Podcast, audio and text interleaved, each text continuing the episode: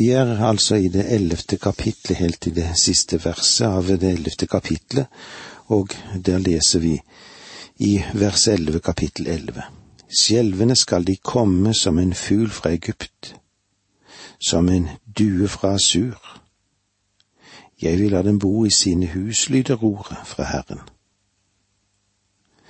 Herren ser altså frem til den dagen da folk endelig skal bøye seg og erkjenne Hans navn, at de skal erkjenne Hans overherredømme, og at Han skal føre dem tilbake slik at de skal få lov til å bo trygt.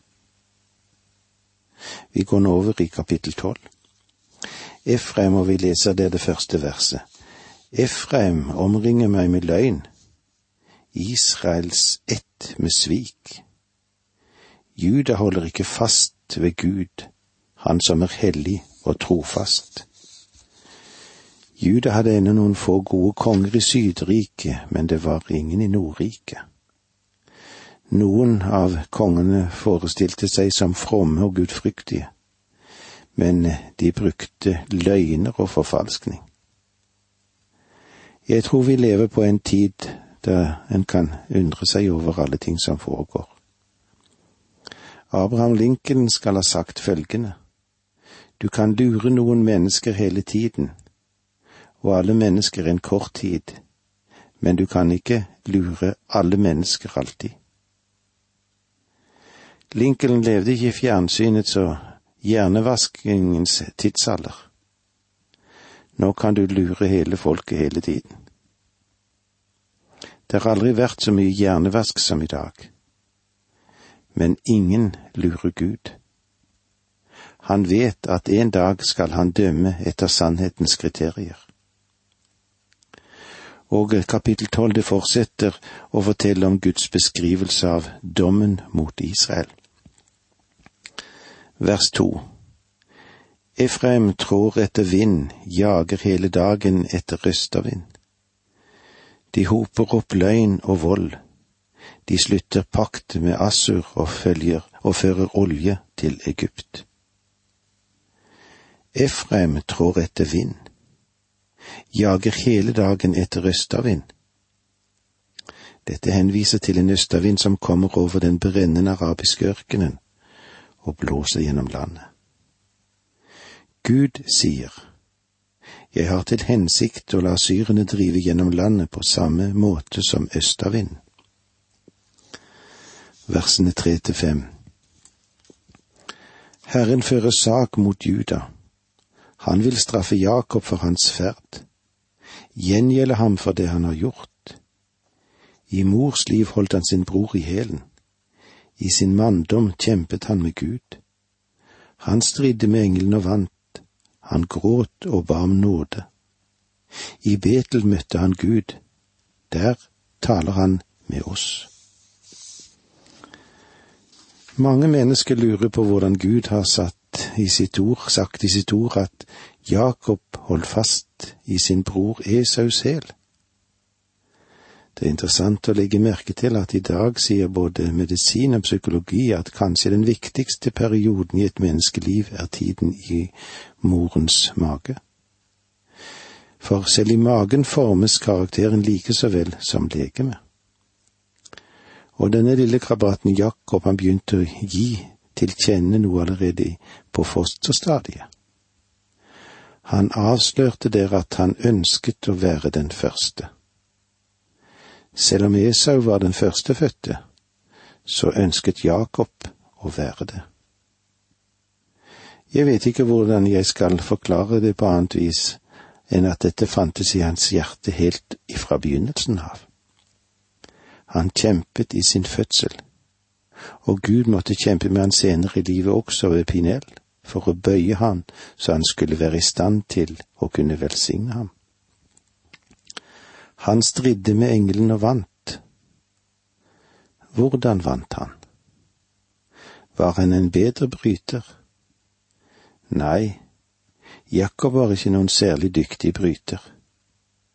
Gud nedkjempet ham men han vant. Hvordan vant han? Ved å overgi seg til Gud. Du kan kjempe mot Gud så mye du vil, men du vil aldri komme til å vinne før du overgir deg til ham. Gjennom hele dette kapitlet som vi har nå gått innom, er det som vi hører tonene fra, fra det foregående kapitlet, spesielt med tanken på Israel sine tidligere dager, da han hadde makt med engelen. Og det som skjedde ved Betel, er ikke glemt. Tårer og svakhet er det beste argumentet overfor Gud. Gud kommer til oss når vi er svake og fortvilte, og den som kaster seg ned for hans føtter, får oppleve hans nåde. Vokt deg bare så du ikke opptrer som en troløs kremmer, og bruker din kraft på å vinne egne fordeler. Gud er fremdeles villig til å kalle sitt folk. Ved sine stadige synder så stengte de seg ute fra Guds kjærlighet i den gamle pakt. De gamle profetene talte sterkt om Guds kjærlighet men åpenbaringens ånd ledet dem til uttalelser som korset har stadfestet fullt ut for oss. La oss lese litt videre i det tolvte kapitlet vers fem. Men Herren allhers Gud er hans navn. Navnet Herren er navnet Gud ga Israel som et minne, og han sa, Dere vil alltid kjenne meg ved det navnet. Jeg er Javé, den som er, den levende Gud. Vi trenger ingen billedstøtter eller malerier for å minne om hvem Gud er. Hans navn uttrykker hans natur. Vers syv Men du skal vende om til din Gud og holde fast på troskap og rett, sett alltid ditt håp til din Gud. Disse menneskene trengte å praktisere det de forkynte. Bare ved å komme til en levende Gud og vente på ham til stadighet, vil vi finne miskunnhet og rettferdighet. De to hører sammen. Troskap og rettferdighet kan egentlig ikke skille lag. I vers åtte leser vi kremmefolket har falske vekter i hånd. Det liker å gjøre urett. Dette taler om uredelighet i forretninger, og det er noe Gud ikke vil anerkjenne. Vers ni, Efraim sier, Jeg er da blitt rik, jeg har skaffet meg eiendom. Med alt mitt strev er jeg ikke blitt skyldig i noe som er synd. Med andre ord følte Efraim at han var i stand til å kjempe seg i veien fremover med eget strev og med egne midler. Han hadde ervervet sin kapital på uhederlig vis, men trodde at det skyldte velsignelser fra Gud. Vers ti Jeg er Herren din Gud, helt fra du var i Egypt.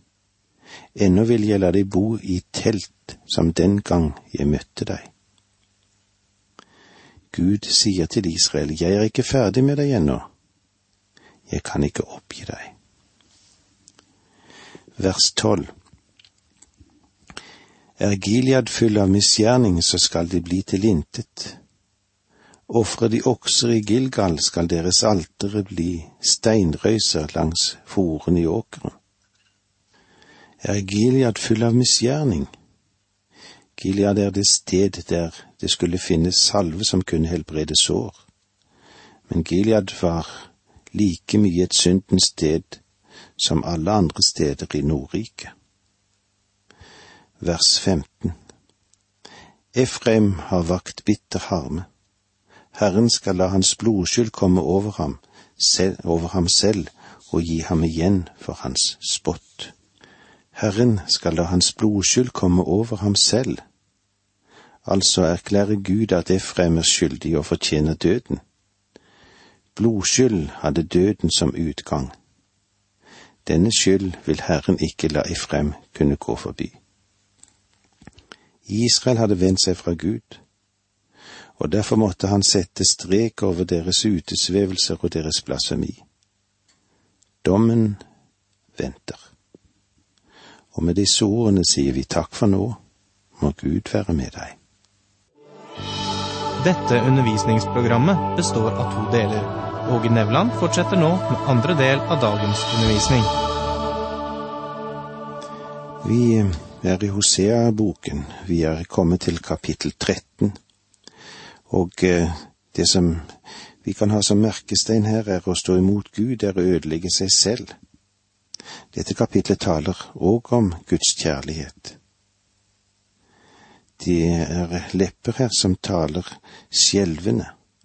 De røper et hjerte som Gud kan opphøye. Men eh, skulle det være slik at de vender oss til avgudsdyrkelse, da kommer vi kanskje til noe som vi kan kalle for selvopphøyelse der.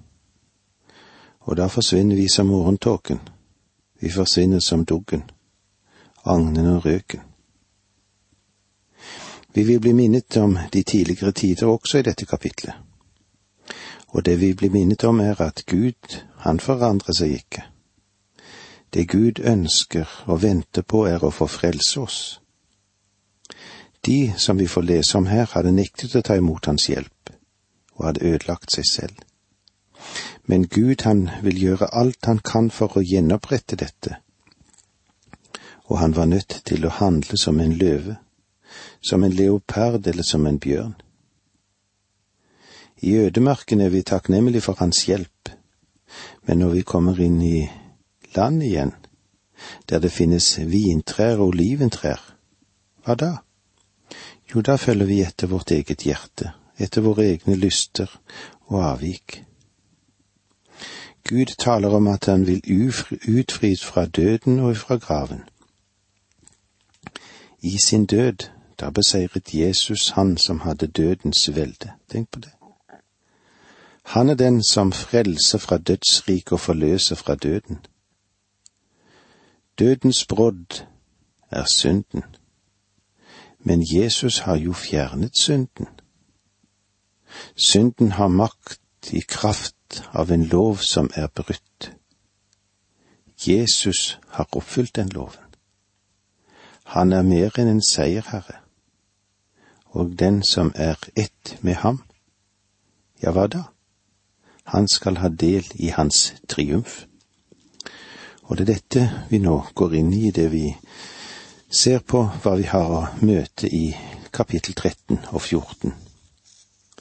Og her vil altså Israel bli dømt i sin samtid. Og Guds dom over Israel den er uunngåelig. La oss se i det første verset i dette kapitlet. Når Efraim talte, ble alle redde. Han raget høyt i Israel, men han dyrket Bal. Slik førte han skyld over seg selv og døde. Med andre ord er det slik at da Efraim tjente den levende Gud, så opphøyde Gud ham men da han begynte å tilbe Bal, så døde han. Ikke bare Efrem døde og ble drevet ut av landet, men landet døde også. Og jeg tror ennå ikke at landet er kommet tilbake til sin riktig byrdighet. Ruinen i Samaria og andre byer i området er faktisk ennå et ødeland. Vers to kapittel 13 og nå fortsetter de med å synde. De lager støttebilder av sitt sølv og avguder etter sitt eget hode. Alt sammen er gjort av håndverkere.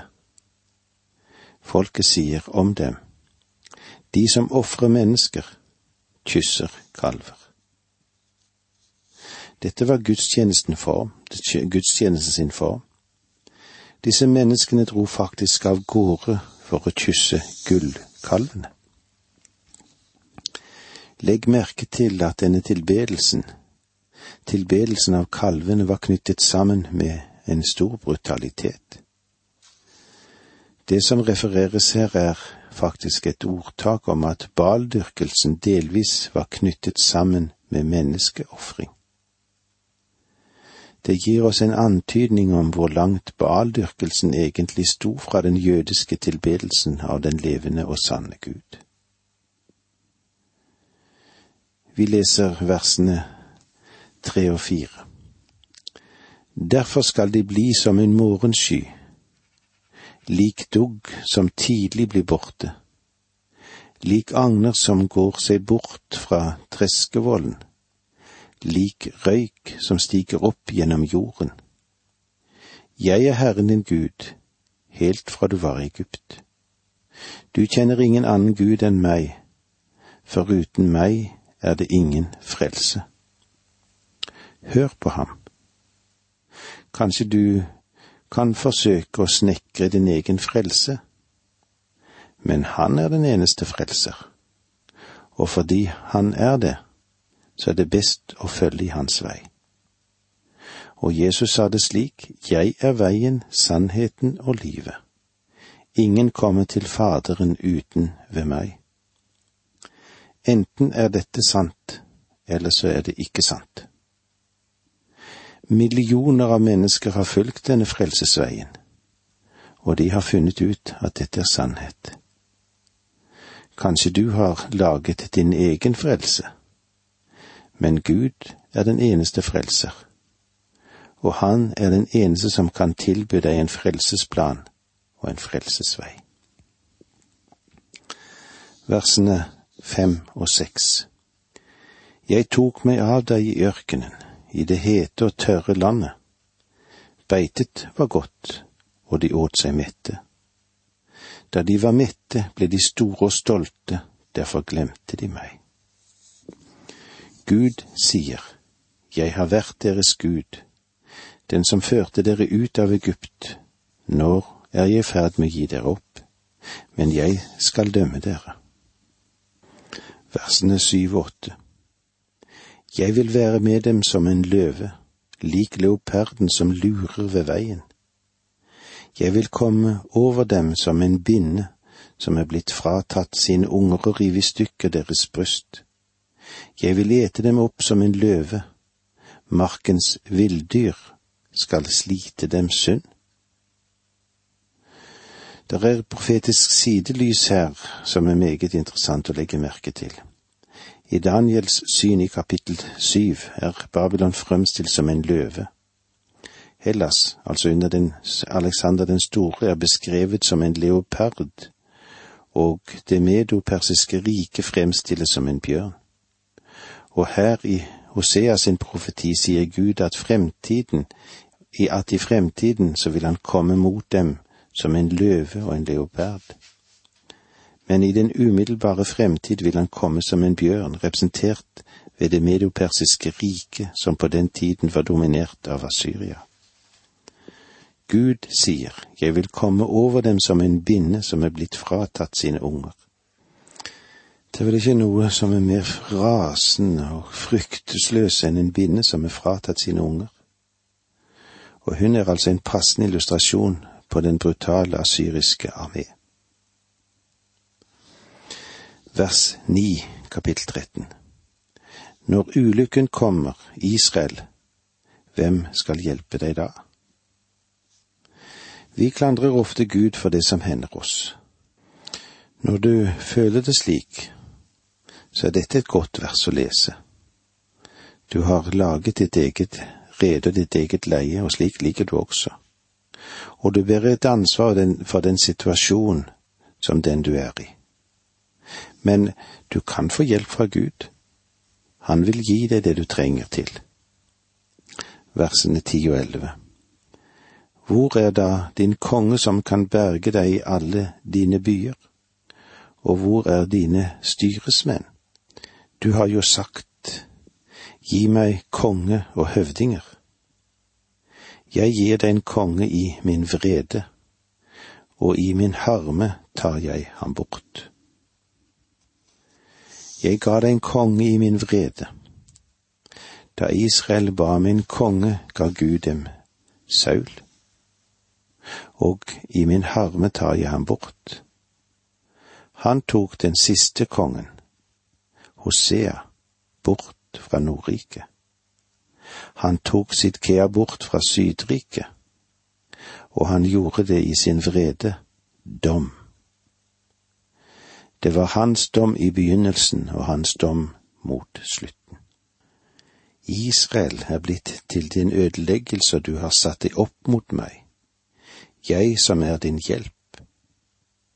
Hvor er da din konge at han skulle kunne frelse deg i alle dine byer? Og hvor er dine dommere, de du talte om da du sa gi meg en konge og høvdinger? Jeg gir deg en konge i min vrede og tar ham bort igjen i min harme. Efraims misgjerninger er samlet opp, hans synd er tatt vare på. Veer som hos en den fødende kvinne skal komme over ham han er en uforstandig sønn. Når tiden er der, kommer han ikke frem fra mors liv. Av dødsrikes vold vil jeg frelse dem ut, fra døden vil jeg forløse dem. Død, hvor er din pest? Dødsrike, hvor er din sott? Anger er skjult for mine øyne. For hun bærer frukt, der han står blant sine brødre. Men det kommer en østavind, et Herrens vær, som drar opp fra ørkenen. Brønnen blir tom, og kilden tørkes ut.